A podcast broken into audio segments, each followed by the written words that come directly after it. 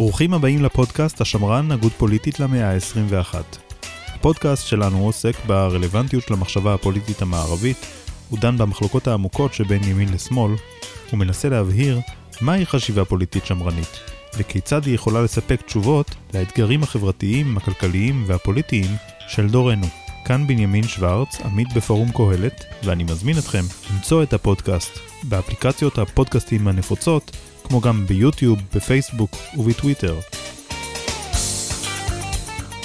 האורח שלנו היום הוא רופא, סופר ומחזאי. ספרו הראשון, המצילים, מספר בין השאר בעקבות אירוע אמיתי שהשתתף בו בעצמו, על קבוצת חיילים מסיירת מטכ"ל המטפסת אל שיא החרמון כדי לחלץ פלוגת צנחנים, ואחד הלוחמים כופה למוות. ספרו איתמר קוף, שנכתב לפני למעלה מ-20 שנה, הוא סאטירה פוליטית חברתית על שלטון חובק קול של החוגים הנאורים בישראל, על עולמנו האינטלקטואלי, התרבותי והתקשורתי. הוא הקדיש שנים למחקר של מבצע יונתן באנטבה, ומתאר את העובדות האמיתיות נוכח סילופים שהתפרסמו על חלקו של אחיו יוני במבצע. הוא כתב על כך שני ספרים, הקרב האחרון של יוני שמתאר את המבצע, וסיירת מטכ"ל באנטבה המביא את העדויות על המאורעות. הוא גם ערך ביחד עם אחיו בנימין את הספר מכתבי יוני, שתורגם לשפות רבות, והשפיע ועדיין משפיע על דורות של ישראלים. בעשור האחרון הוא מתרכז בכתיבת מחזות שעולים במקומות רבים בעולם. מחזהו Happy End עלה בבית לסין ב-2012, אבל מאז אותו אירוע חד פעמי, לא הועלה אף מחזה שלו במדינת ישראל. אם לא ניחשתם עד עכשיו, יש לי הכבוד לשבת לשיחה עם דוקטור עידו נתניהו. שלום עידו וברוך הבא לפודקאסט השמרן, הגות פוליטית למאה ה-21. שלום, אני שמח להתארח אצלך. זהו החלק הראשון בשיחה שלי עם דוקטור עידו נתניהו. בחלק הזה נדבר על היבטים ביוגרפיים בחייו של אביו, פרופסור בן ציון נתניהו, ועל יחסיו עם זאב ז'בוטינסקי. נדון במחקר של בן ציון נתניהו על יהדות ספרד ומקורות האינקוויזיציה, ועל הקשר בין המחקרים האלה ובין הגותו הציונית. וגם, אשאל את עידו על היחס בין הכתיבה שלו עצמו ובין הרעיונות של אביו. בואו נתחיל. נפגשנו כדי uh, לדבר על פועלו, הגותו ומורשתו של אביך, פרופסור בן ציון נתניהו. אני אגיד uh, כמה מילים כהקדמה קצרה למי שלא מכיר את פועלו. בן ציון נולד בוורשה בשנת 1910 והיה הבן הבכור של הרב נתן מיליקובסקי נתניהו. בשנת 1920 עלתה המשפחה לארץ, בן ציון למד באוניברסיטה העברית היסטוריה ופילוסופיה והיה פעיל בקבוצת סטודנטים המזוהה עם התנועה הרוויזיוניסטית.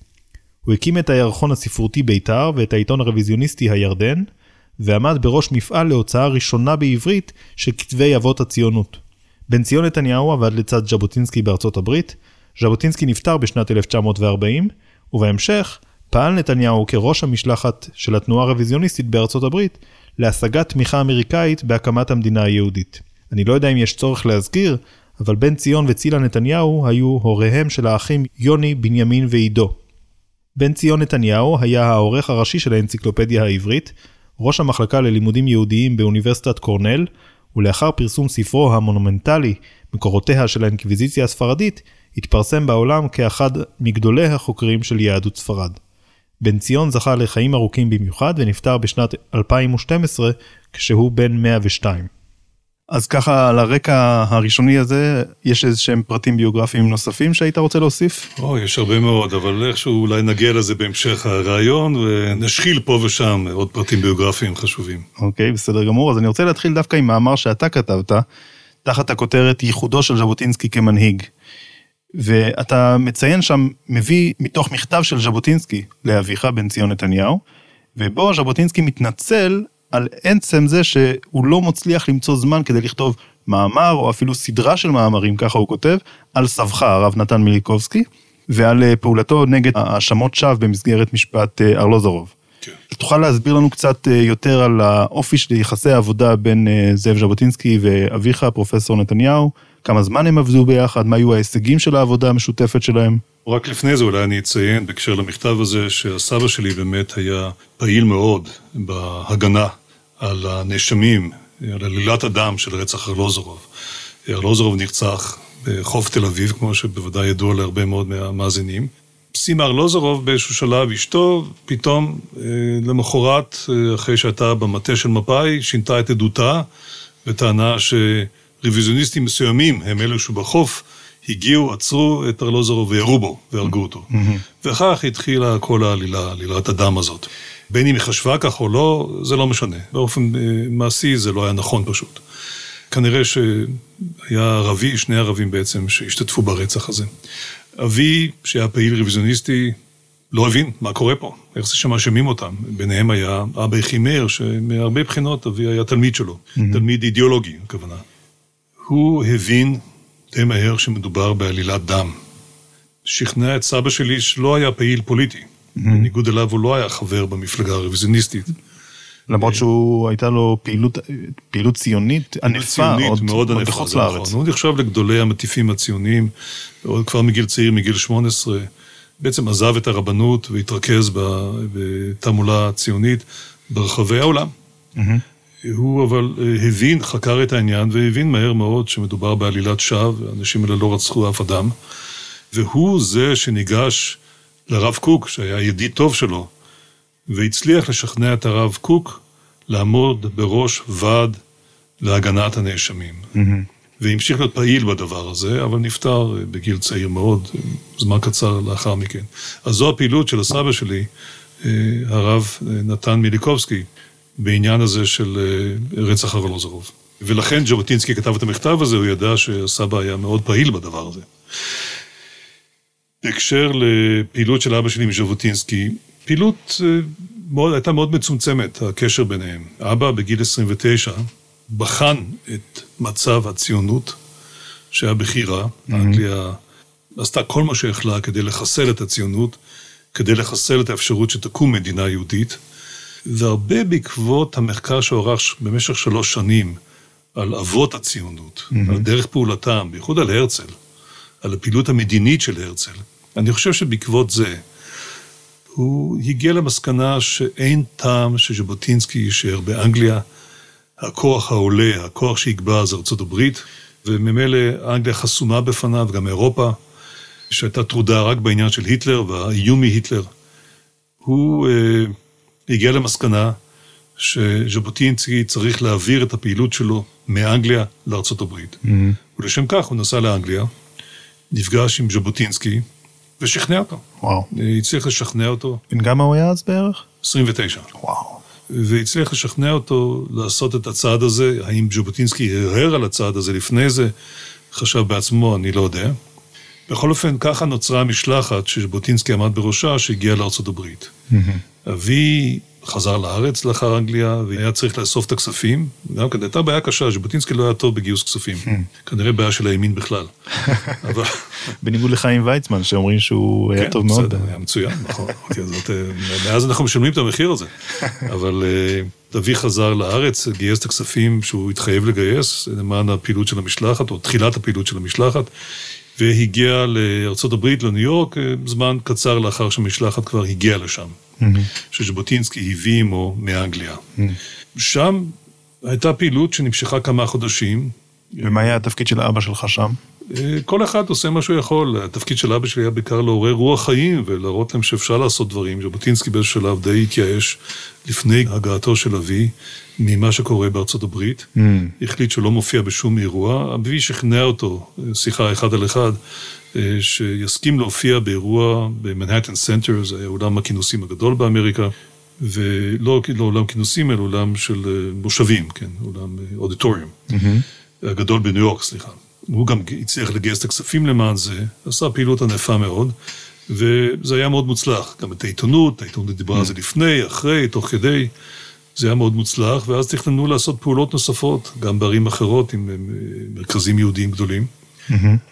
אבל ז'בוטינסקי נפטר. ז'בוטינסקי נפטר באוגוסט, תחילת אוגוסט 1940. אבל כשאומרים שאבא שלך היה מזכירו של אה, ז'בוטינסקי, זה תיאור מדויק, או שזה איזושהי אגדה שמתלווה אליו, כמו שלמשל על בנימין נקצין, אמרו הרבה שנים שהוא היה מזכירו של ז'בוטינסקי, אבל תמיד הוא אמר, אני לא הייתי מעולם מזכירו של ז'בוטינסקי, כן, למרות שעבדנו ביחד. כן, לז'בוטינסקי כנראה היו המון מזכירים. כמו שראש עירייה, יש לו כל מיני סגני אה, ראש עיר, אז כנראה לז'בוטינסקי. לא, לא, אבי לא היה מזכירו מעולם. זה, הייתי אומר, חלק הקטן והמזערי מהדברים הלא נכונים שנכתבו בעיתונות הישראלית. עכשיו, אה, שאלה שככה מסקרנת, אה, בעקבות דברים שקראתי לקראת השיחה שלנו, ב-2010 יוסי אחימאיר, אה, בנו של אבא אחימאיר שהזכרת מקודם, כותב בכתבי עת האומה שבן ציון נתניהו כותב את ספר זיכרונותיו, ולפני כן ב-2006 אביך אומר לאלי אשד, אני מצטט, אני כותב את זיכרונותיי, הם כוללים את תולדות אה, יחסיי עם אישים ידועים שונים, כמו המשורר שאול צ'רניחובסקי, שהכרתי היטב, המשורר יעקב כהן, שהאמין בחיי על מוות, ועם הרבה מנהיגים יהודיים כמו מנחם בגין ובן גוריון, שעימו היו לי שיחות ארוכות. הספר יבטא גם את אמונתי הציונית, ככה הוא אומר. יש איזו תוכנית להוציא ספר, ואם כן, אה, תוכל אה, לומר למאזינים שלנו מתי אפשר לצפות לספר כזה? אני יכול לומר להם בוודאות שיש תוכנית כזאת, וזה יצא, אני יכול לומר להם בוודאות שאין לי מושג מתי. ומי שאחראי על זה זה אתה, אני מניח. נכון. אה, אבא הספיק לכתוב חלק מהאוטוביוגרפיה שלו. כמה עמודים זה? כתב הרבה, אבל כתב בעצם בעיקר על הפעילות שלו מהיותו סטודנט, מתחילת הזמן שהוא היה סטודנט, ועד לתקופה הזאת בארצות הברית. אנחנו לא דיברנו על הפעילות שלו בארצות הברית לאחר מותו של ז'בוטינסקי, פעילות ענפה מאוד שהייתה שם, שאולי ניכנס אליה, נוכל להיכנס אליה, אני מקווה, כי יש, אני חושב, מה ללמוד ממנה. ו... אבל הוא לא כתב את זה בשלמות, אבל כתב mm-hmm. חלקים אה, ניכרים מאוד. Mm-hmm. אבל זהו, הוא אה, לצערי אה, נסע כבר... אה, זקן מדי, היום אסור להגיד את המילה זקן, אבל לא מבוגר מדי, היה זקן מדי כדי להמשיך, לא היו בו הכוחות הדרושים, גם המנטליים. לכן זה נעצר. אה, אני לקחתי על עצמי להשלים את זה. עכשיו, החלק הראשון, עד סוף פעולתו בארצות הברית, גם הילדות, למזלנו, הוא התראיין. התראיין בקשר לילדות שלו, וגם התראיין אצל חוקר אמריקני בקשר לפעילות שלו mm. בארצות הברית. ואת החלק הזה, את החצי הראשון הזה, אני יכול להשלים מקולו. Mm. וכבר עשיתי את זה בעצם. החצי השני זה כל הפעילות שלו לאחר מכן, שהייתה בעיקרה הגותית. Mm. משובם של הוריי ארצה, יוני אז תינוק, ב-49, עוד בזמן מלחמת השחרור, ועד יום מותו. זה יהיה, הייתי אומר, החצי הזה יותר ביוגרפיה אינטלקטואלית, mm-hmm.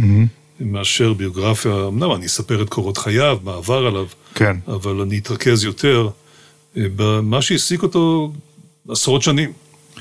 וזו הפעילות ההגותית שלו, שאני חושב שזה מה שיותר מעניין אותך ברעיון הזה. כן, אבל יש בכל זאת איזשהו פן אה, באישיות, איזשהו פן מפתיע שאני גם כן נחשפתי אליו במהלך ההכנה לשיחה שלנו, שהוא פן יותר אה, נגיד אנושי ומקצועי, ולא הפן האידיאולוגי הנוקשה שבדרך כלל מי שקורא עליו אה, נחשף, וזה משהו שקשור ליחס החיובי שהיה לו כלפי ישעיהו ליבוביץ', שהוא אומר שלמרות שהיו ביניהם מחלוקות והיו להם דעות מנוגדות אחד עם השני, למרות זאת אבא שלך תמך בהכנסה שלו לתוך הצוות של עריכת האנציקלופדיה העברית, ובניגוד לדעות שהיו בתוך המערכת, אתה יכול להוסיף משהו על העניין הזה?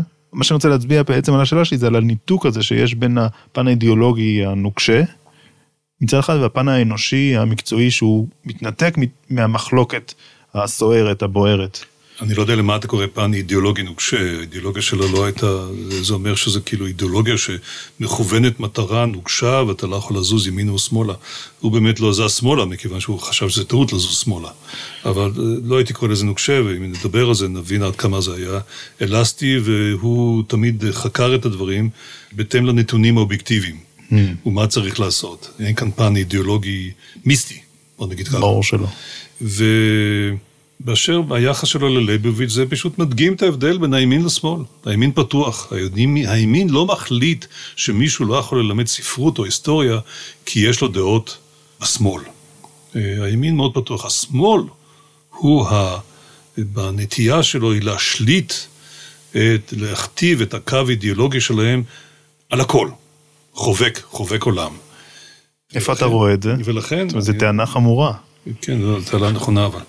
ולכן אני רואה את זה בכל מקום, אנחנו, אנחנו רואים את זה מול העיניים שלנו. בכל אופן, הוא היה העורך הראשי של האנציקלופדיה העברית. בשנים מסוימות לייבוביץ' היה עורך החלק המדעי, המדעי, זאת אומרת לא המדעי ההומניסטי, אלא המדעי, מדעים המדויקים. Mm-hmm. היה איש גאוני, היו לו, אה, אני חושב, דוקטורטים בכל מיני תחומים, כולל ברפואה, בביולוגיה נדמה לי, אה, וגם בפילוסופיה. ואולי עוד כמה תורים שאני לא יודע עליהם. אבל בחלקים מסוימים כשאבי יצא לשנת שבתון, אז הוא באמת מינה אותו כמחליפו, וכשהוא עזב בסוף את האנציקלופדיה אה, כדי להתרכז בעבודת המחקר שלו, מכיוון שהוא הבין שאם הוא ימשיך באנציקלופדיה זה כל חייו, mm-hmm. לפי קצב ההתקדמות כל חייו, והוא לא רצה לעשות את זה. הוא רצה להשקיע זמן בפיתוח רעיונות ומחקרים מקוריים שלו. כן, נכון, נכון. והוא המליץ שליבוביץ' יחליף אותו. Mm-hmm. עכשיו, זו הייתה ההחלטה שלו, בין אם הייתה נכונה או לא, אני לא יודע, אבל ודאי שהוא לא היה מחליט משהו על פי הנטיות הפוליטיות של אדם מסוים, מה גם שלייבוביץ' באותם שנים לא היה נכון, באותם דעות. נכון, שהתפתחו בהמשך. התפתחו בהמשך, בעצם אה, מן הצהרות אה, להכיס, אה, כן. צבא יודו-נאצי וכל הדברים האלה. כן. זה לא, זה לא היה קיים אז, זה לא היו לו הדעות האלה, זה משהו שהתפתח בהמשך. אתה יכול לומר כמה מילים על האנשים שאבא שלך למד איתם, או למד אצלם, או... אתה לענות את השאלה שלך ששאלת, איפה אני רואה את זה? כן. אנחנו רואים את זה מול העיניים בכל דבר, בין אם באקדמיה הישראלית במקצועות ההומניים, ולא רק הישראלית, בכל המערב. הם נכנסים אה, בתפקידים ולאט לאט מנפים כל מישהו בעל דעות פוליטיות שלא מתאימות לשמאל. תהליך שנמשך אולי עשרות שנים. אבל התוצאה היא התוצאה הנוכחית שאנחנו רואים. אתה כתבת על זה בספר שלך, איתמר קוף. אני תיארתי מצב, כן, סאטירה, תיארתי מצב, זה מצב לגמרי מדויק, אבל הספר נכתב לפני יותר מ-20 שנה. זה לא השתנה, לא לפני זה ולא אחרי זה. הרבה לפני זה זה היה אותו מצב. רואים את זה בתקשורת, ברגע שמשתלטים, לא משנה שסגרו את רשות השידור והפכו את, הקימו את כאן. אז יש פה ושם ימני, אני יודע מה, עלה תאנה, אבל אנחנו יודעים את זה שמרגע שהם משתלטים, הם אה, מנפים. ככל שהם יכולים את הימין, ובמידה שמשאירים ימני זה באמת עלה תאנה, נותנים לו איזה משהו, בדרך כלל עם איזה פוליטרוק מהשמאל שמשגיח עליו. ורואים את זה בכל התחום של האומנות. Mm. אה, בין אם זה עולם הסרטים והוועדות שמחליטות על התקציבים, בין אם זה עולם התיאטרון. אתה, אתה בעצמך רואה את זה בתור מחזאי? אתה רואה את ה... בוא נעזוב אותי, אני okay. רק אוקיי. אומר באופן אובייקטיבי, כן. זה, זה המצב. לכן, זה הנטייה של השמאל, השלטת הגמוניה. אולי אפשר להיכנס מדוע הם עושים את זה, מה הגישה הפסיכולוגית שלהם והגישה, הייתי אומר, הפוליטית שלהם, שמכתיבה להם את זה, כי הם רואים את זה כנכון ומוסרי. Mm. מתכחשים לה מדי פעם, אבל זה מה שהם עושים. בשעה שהימין לא חושב במונחים אלה, ועל כן הימין פתוח אנשים שבאים מפה ומשם, אין, אין את המחשבה הטוטליטרית הזאת mm. בתחום הרעיוני. אם נחזור קצת לשנות ה-30, תוכל להתייחס ל... בעצם אני מנסה להבין מהו ההקשר שבתוכו אבא שלך פועל כשהוא צעיר באוניברסיטה העברית, מי האנשים שהוא לומד איתם, אנשים שהוא לומד אצלם, אנשים שהוא מקים איתם, נגיד את אה, ירחון הספרותי בית"ר, או אחר כך את הירדן. כן. הירדן זה כבר לא בתקופת הסטודנטיאלית שלו, mm. אבל אה, בתקופה הסטודנטיאלית, תראה, הוא אה, הפך להיות תומך של הרוויזיוניסטים ושל ז'בוטינסקי כמובן, אה, מתוקף זה שהוא פשוט קרא מאמרים של ז'בוטינסקי והשתכנע. הוא לא גדל בבית רוויזיוניסטי, הוא גדל בבית ציוני, הייתי אומר. ציוני הרצליאני? בלי שום ספק. כן, ואפשר להגיד, מכיוון שהוא היה הרצליאני, באמת ציוני הרצליאני, יש כאן המשך ישיר לגישה של ז'בוטינסקית, של הציונות המדינית. באיזה מידה הייתה לו מודעות פוליטית כנער, אין לי מושג, אבל כסטודנט. כן. הוא קרא אה, מאמרים של ז'בוטינסקי, השתכנע מהם, הוא לאט לאט נכנס יותר ויותר לתחום הפוליטי כסטודנט, mm-hmm. עמד בראש תא הרוויזיוניסטי. הושפע מאוד מאבא אחימאיר, בכל הגישה המהפכנית שלו. אבא אחימאיר, אולי הרבה מאזינים לא יודעים, היה הראשון בעצם שדגל וגם פעל נגד השלטון הבריטי. זאת אומרת, פעולה ממשית של הפגנות. כן. משהו שהיום זה נראה לנו טבעי, אבל אז היה בלתי נתפס, פשוט בלתי נתפס. כן. ואבא אחימאיר דגל בקו, בקו הזה, בקו מהפכני, הייתי אומר. ואבי בהחלט השתכנע ממנו, הוא היה מבוגר ממנו בהרבה, אבל בהחלט למד ממנו הרבה מאוד, וגם השתתף, הוא ודוד שלי, שהיה מתמטיקאי מעולה, עמד בראש הפקולטה למתמטיקה בטכניון, כן. השתתפו בהפגנה נגד הקמת קתדרה לשלום באוניברסיטה העברית. האוניברסיטה העברית הייתה אז, בהקמתה, הייתה בשליטה של אנשי ברית שלום. כן. שלום לא רצו להקים מדינה יהודית, אלא מדינה דו-לאומית. והייתה הפגנה, ונעצרו אנשים, דברים מהסוג הזה, כן. כן. אה, הוא נכנס, נסחף לתוך הפעילות הפוליטית, היה נותן הרצאות, נאומים כשהיה צעיר. אבל יחד עם זה כמובן היה תלמיד מאוד רציני, למד היסטוריה ופילוסופיה. וגם ספרות. Mm. וראה שהדברים שנכתבים על הספרות העברית לא מספיק מעניינים. והחליט להקים ירחון ספרותי. Mm. הוא ותלמיד נוסף שנקרא יוסף אור. שתרגם הרבה מאוד ספרים. כן, בהמשך, כן. Mm. והם יחד אספו את הכספים הדרושים מאנשים שונים. האוכלוסייה הזאת בארץ לא הייתה גדולה, אבל הצליחו, כדי להקים את הירחון הספרותי הזה. הוא פנה לקלאוזנר. קלאוזנר היה אמנם היסטוריון, אבל הנה, אותו דבר שדיברנו עליו. הוא היה ההיסטוריון, ההיסטוריון הבכיר של הבית השני. Mm-hmm. ידוע, מפורסם בכל העולם, אבל באוניברסיטה העברית לא הרשו לו ללמד היסטוריה, חס וחלילה, שישפיע, כי קלאוזנר היה לאומי, mm-hmm. נטיות רוויזיוניסטיות חזקות. אז מה הוא, אז מה הוא לימד שם? חס ושלום שלא ילמד היסטוריה, כן. אז אה, כשהקימו את האוניברסיטה, פנו אליו ואמרו לו, טוב, אתה יכול ללמד, אבל רק ספרות. כן, אז ספרות נחשב פחות פוליטי. Mm. אז הוא לימד ספרות, והוא למד ספרות אצל קלאוזנר. אה, הוא ביקש ממנו להיות העורך הראשי של אותו ירחון בית"ר, mm. שליקט באמת מיטב הספרות העברית, וככה נוצר הקשר עם צ'רניחובסקי ועם משוררים אחרים, mm. ועם הצג. ירחון ספרותי בעל איכות מאוד מאוד גבוהה, שאבי היה עורך משנה שלו יחד עם יוסף אור. הם היו הכוח החי מאחורי הדבר הזה. זה, זה היה בפעילות הסטודנטיאלית שלו, כן. אם אנחנו מנסים להבין מה היו הרעיונות שהוא ניסה להוביל באותה תקופה, או מי האנשים שאיתם הוא התמודד כיריבים פוליטיים, אז אפשר לציין את ברית שלום. מה עם מפא"י? מה עם אנשי מפא"י? כן, ודאי, זה יותר מאוחר, זה כבר כשהוא נסע עורך עיתון הירדן. Mm. תראה, הירחון הספרותי בית"ר זה לא היה ירחון, אמנם נקרא בית"ר, הוא בכוונה כיוון את זה בשם, כמו השם של, שז'בוטינסקי נתן לתנועת הנוער שלו. Mm-hmm. זה לא היה ירחון פוליטי מובהק, זה היה באמת יותר ירחון ספרותי. כן. הוא אז מאוד התעניין בשירה, תמיד התעניין בשירה ובספרות, וחשב שצריך להעלות את רמת התרבות. כן. או לחשיפת התרבות הגבוהה אה, בתוך הארץ, אז התרבות העברית הגבוהה. בשלהי לימודיו, לימודי ה-MA שלו, היה רצח ארלוזורוב. והוא כבר התחיל להיות עסוק רובו ככולו בהגנה על הנאשמים, וחשב שחייבים להקים עיתון, כי היה, היו התקפות על ידי התקשורת של אז, מה שהיה עיתונים. Mm-hmm. התקפות יומיומיות כל הזמן על הרוויזיוניסטים, על הרוצחים האלה.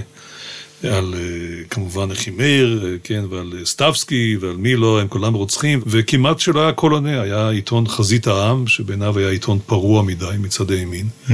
הוא חשב שצריך להקים עיתון יותר סולידי, יותר רציני, שיילחם בהאשמות האלה. על בסיס ו... יומי. על בסיס יומי. והוא הצליח לאסוף את הכסף הדרוש, וביום פתיחת המשפט יצא הגיליון הראשון של עיתון הירדן, שהוא היה אורחו, גיל 24. והוא מיד, מהיום הראשון היה משוייך אה, לז'בוטינסקי, זאת אומרת, יש שם משהו בכותרת, נכון? שכתוב... ב... כן, כן, משהו, כן, ז'בוטינסקי כמובן תרם לעיתון, כן, אני, כן. האם העיתון היה שייך פורמלית למפלגה? אני לא חושב. לא, לא היה שייך פורמלית למפלגה. לפי, למיטב ידיעתי. אוקיי. אבל היה מזוהה כמובן עם המפלגה הרוויזניסטית. אוקיי. עכשיו נעבור מהחלק היותר ביוגרפי אישי לחלק שהוא יותר אה, הגותי ורלוונטי גם לשאלות שמעסיקות אותנו היום. אז אני רוצה להתחיל שוב מהכתיבה שלך. אפשר לראות דברים שאתה כותב, עד כמה אתה מושפע, עד כמה אתה מאמץ, אולי הייתי אומר אפילו מפתח, כמה מהרעיונות של אה, אבא שלך. למשל במחזה Happy End שהזכרתי קודם שהוצג בבית לסין אבל גם בניו יורק ואיטליה ומקומות אה, רבים אחרים. אתה בוחן האם משפחה יהודית שחיה בשנות ה-30 בברלין תצליח לזהות את הסכנה ולברוח לפני השואה או שהיא לא תצליח. ופה זה מיד הזכיר לי את העניין הזה, את העיקרון המאוד מאוד חשוב בהגות של אביך, זה העניין של זיהוי הסכנה, ראיית הנולד. הוא מדגיש גם ראיית לא רק ההווה, שזה מה שמגדיר בעיניו את הריאליזם הפוליטי, אלא ראיית המתהווה, שזה בעצם הכל אה, ביטויים שונים של אותו עיקרון. העיקרון הזה שחוזר על עצמו, הוא בעצם עומד גם במרכז ההצגה הזאת, ה-happy end, האם תוכל לספר לנו קצת על המחזה, והאם הוא באמת מהווה בעיניך המשך לגישה של אביך? לא, אה, המחזה נועד לבדוק, הגישה הזאת שאנחנו לא מזהים את הסכנה, ודאי בשואה, אה, זה דבר שנכתב על ידי הרבה מאוד אנשים. אבי דיבר על הראייה ההיסטורית יותר, גם במצבים פחות קיצוניים, איך היהודים באמת לא מבינים את המתהווה, מה קורה סביבם, את הכוחות שמאיימים אה, לפעול נגדם, במקרים מסוימים לחסל אותם. כמו למשל בספרד, לפני הגירוש, באמת היהודים אפילו, אדם גדול כמו אברבנאל שאבא כתב עליו, פילוסוף ממדרגה ראשונה, לא הבין מה קורה, לא הבין שעוד חודש, חודשיים הם יצאו משם, יגורשו, יהדות ספרד הכבירה, תחוסל. מה שהתכוונתי לבדוק ב Happy End זה יותר את הצד הפסיכולוגי, הפנימי mm. של אדם שלא תופס, כל אדם, שלא מבין ולא נוקט באיזה מין רמייה עצמית בקשר למציאות. Mm. אני אמנם השתמשתי בשואה, או פרה-שואה, מחזה מתהווה, זה בעצם מחזה על משפחה יהודית אה, בברלין, סביב עליית היטלר לשלטון. זה מתחיל עוד הרבה לפני עליית היטלר, אבל לאחר הבחירות. אני לא יודע אם אתה יודע, אבל היטלר לקח לו כמה חודשים עד שהוא הקים קואליציה. Mm. סביב זה, והמחזה מסתיים שבוע או שבועיים לאחר עליית היטלר לשלטון, שבאמת רוב היהודים הגרמנים, גם לאחר עלייתו של היטלר לשלטון, לא התכוונו לעזוב את גרמניה, באותו שלב. Mm. אבל אני מביא את המשפחה הזאת מראה צד של כל אחד מהם, או את הצדדים של כל אחד מהם, בין אם זה אבא שהיה אינטלקטואל, פיזיקאי בכיר, שמזמינים אותו ללמד בארצות הברית, פרופסור לפיזיקה, אשתו, הבן שלהם, ועוד דמויות שיש במחזה, אני לא אספר את הסיפור של המחזה, mm-hmm. אבל מה מביא אנשים די רציונלי, והאב הוא מאוד רציונלי, הוא משתמש בנימוקים מאוד הגיוניים, הוא די משכנע, כשאתה שומע למה לא לעזוב בסוף, ככה הוא חושב, כן. אתה די משתכנע ממנו. כל המאבק הפנימי הזה בין, הר... בין הרצון שלך והמציאות מסביב. והמחזה לא נכתב בקשר לשואה. אני מיקמתי אותו בזמן השואה כדי שהקהל יבין, הקהל יודע מראש, שאם הם נשארים בברלין, הם נגברו באושוויץ. זה הקהל יודע, ורציתי שהקהל יבין את זה. כן.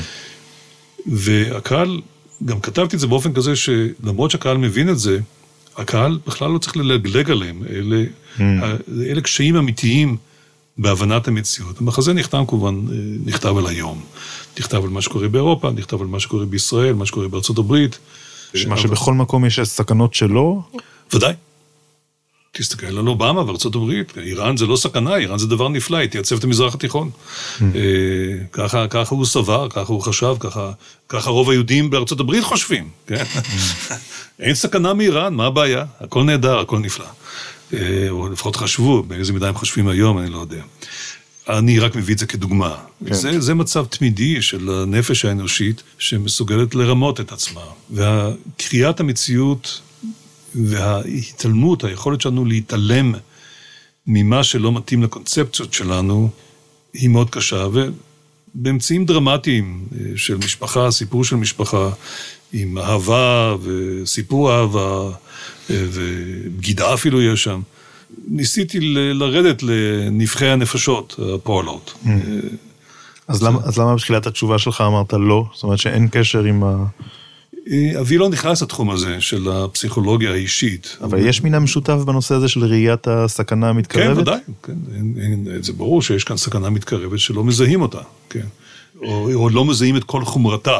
אף יהודי לא תמך בעליית היטר לשלטון. כן. אבל לא זיהו את המשמעות שלו. לגבי הנושא הזה של ראיית הסכנה המתקרבת, רציתי לשאול אותך, האם זה תמיד תלוי בהסתכלות האידיאולוגית של האדם? למשל, אם אני מרקסיסט, אז אני יכול כל הזמן לזהות את הסכנה המתקרבת של עליית הקפיטליזם. ואם אני לאומי, אז אני מזהה כל הזמן את הסכנות לפגיעה בלאומיות. אם אני, הדת היא הדבר הכי חשוב בשבילי, אז הסכנה היא החילוניות. זאת אומרת, האם בעצם הסכנה שמתקרבת היא אובייקטיבית, סכנה מסוימת שאתה יכול להתווכח איתי ולהגיד, אתה לא מבין את הסכנה, זאת הסכנה, או שזו שאלה של העמדה הנורמטיבית שאיתה אתה מגיע ואיתה אתה בוחן את המציאות? כל אחד כמובן מסתכל על עולם מהמשקפיים שלו, ומסתכל על עולם על פי, כמובן, בראש ובראשונה, על פי אותם נושאים שמעסיקים אותו. הייתי אומר, האדם המושלם, האובייקטיבי, אם אפשר לקרוא לזה, ואין יצור כזה, מנסה לבחון את הדברים בדרך האובייקטיבית ביותר שאפשר. Mm-hmm. זה מה שמבדיל באמת פוליטיקאים גדולים, אנשי מדינאים גדולים, שמזהים סכנות, שיודעים לזהות, הם כמו, אתה יודע מה, לא אגיד שהם נביאים, לא נביאים של התנ"ך, אבל יש בהם איזו יכולת נבואית mm-hmm. כלשהי, והיכולת הנבואית הזו היא קשורה לרציו, לחידוד המחשבה. הרצל, כן, שאבי הושפע ממנו מאוד, וכל הפעילות הפוליטית שלו, אנחנו לא דיברנו על זה, אבל לאחר שסבא שלי נפטר, אבי נאלץ לעזוב את הירדן. התרכז בכל ה...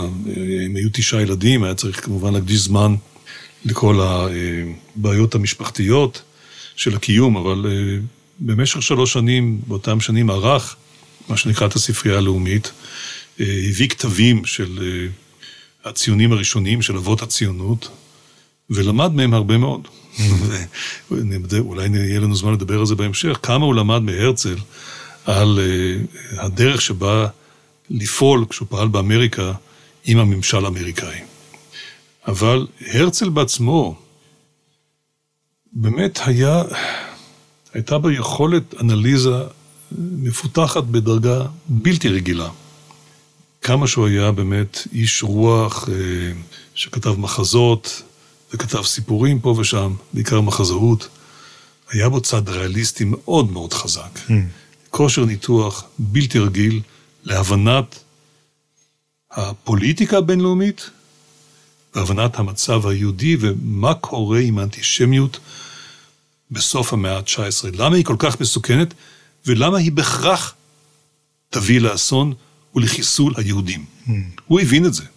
הוא הראשון באותה תקופה שהבין שאם לא עושים משהו ומהר, היהודים יחוסלו, לא רק במזרח אירופה, כמו שאחרים אולי חשבו, אלא גם במערב. להפך, mm-hmm. ככל שהאמנציפציה מתקדמת, מערב הייתה כבר גמורה, כך הסכנה ליהודים גדולה יותר.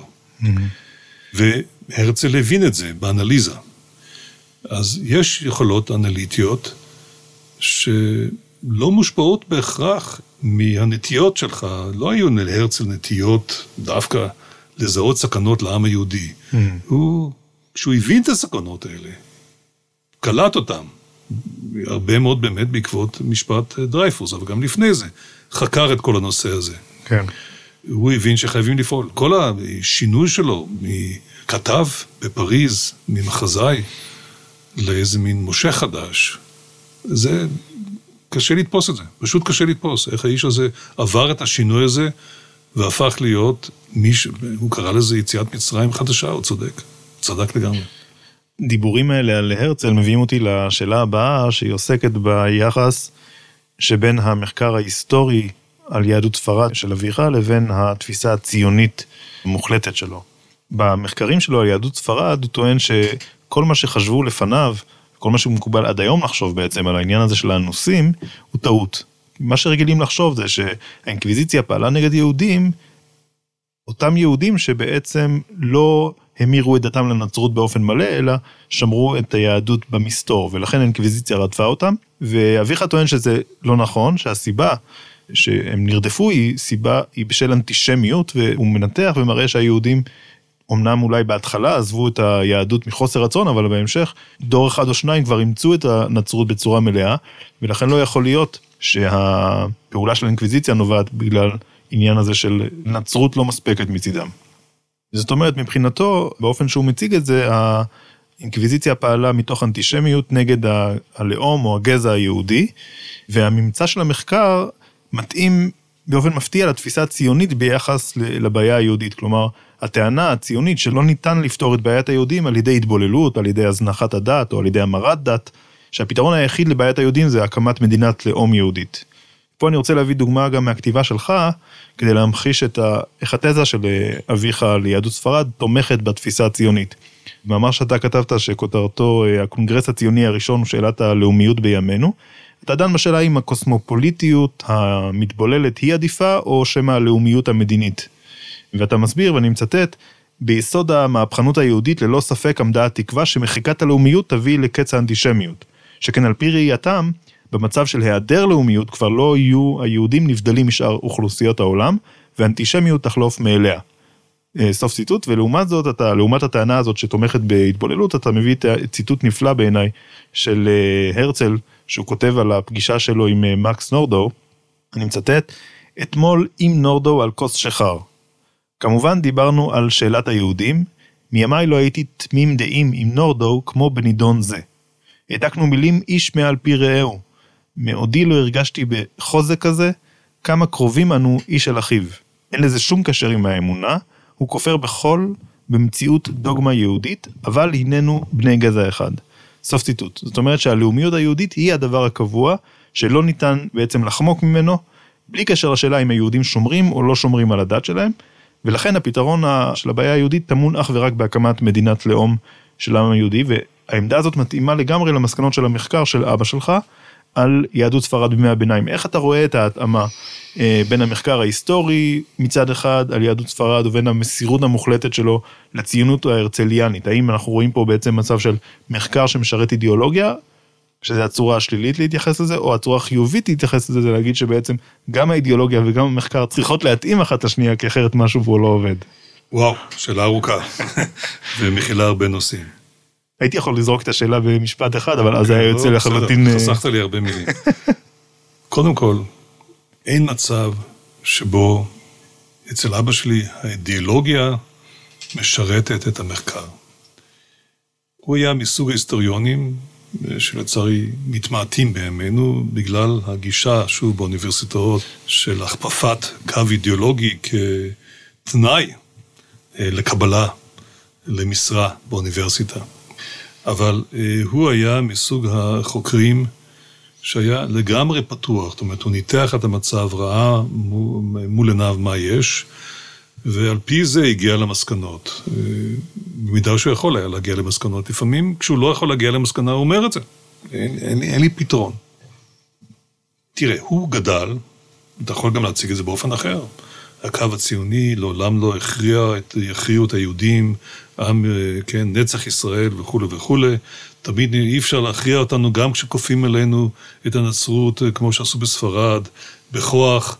הנה, לאחר דורות, מאה שנים אחרי זה, נשארנו יהודים ובסתר קיימנו את היהדות, והאינקוויזיציה אה, לכן פעלה נגדנו. Mm-hmm. זה דבר שהיהודים מאוד שמחו לקבל במשך מאות שנים. Mm-hmm.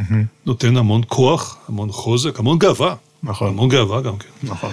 וזה מה שאבא שלי למד לא רק כנער שגדל בבית אביו, אלא גם זה מה שהוא למד באוניברסיטה, על ידי ראש המחלקה, מי בר, שהיה היסטוריון של, גדול ההיסטוריונים של אז, של יהדות ספרד.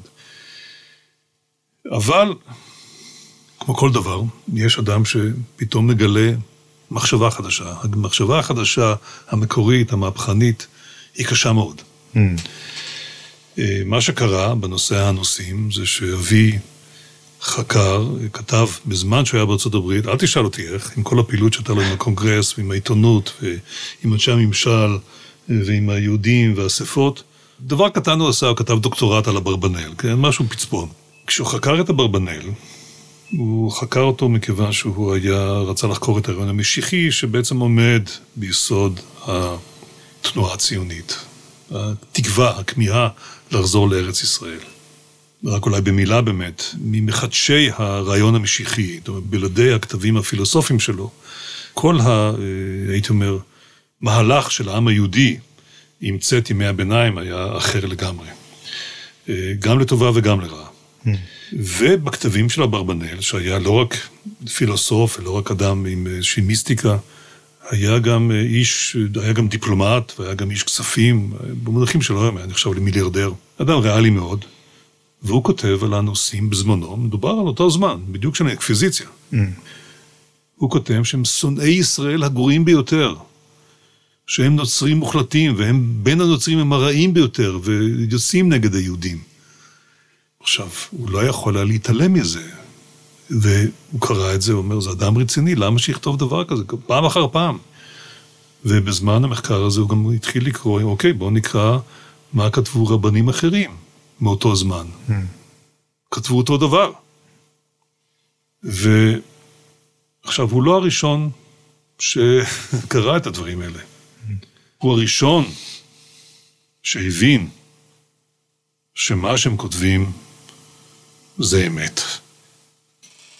וכאן אולי גם כן, זה קשור למחקר שלו של הציונות, למחקר שלו של הרצל. שהרצל בעצמו הבין שהדת כבר לא משחקת תפקיד באנטישמיות. הרי הדת הלכה ונסוגה גם אצל הנוצרים וגם אצל היהודים.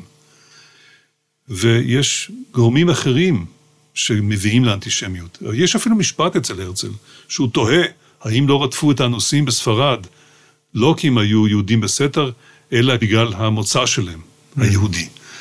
אם אבא שלי בכלל זכר את המשפט הזה, אין לי מושג, זה לא משנה. אבל אני לא בטוח שהוא לא היה פתוח לקלוט את הרעיונות האלה בגלל המחקר הציוני שהוא ערך.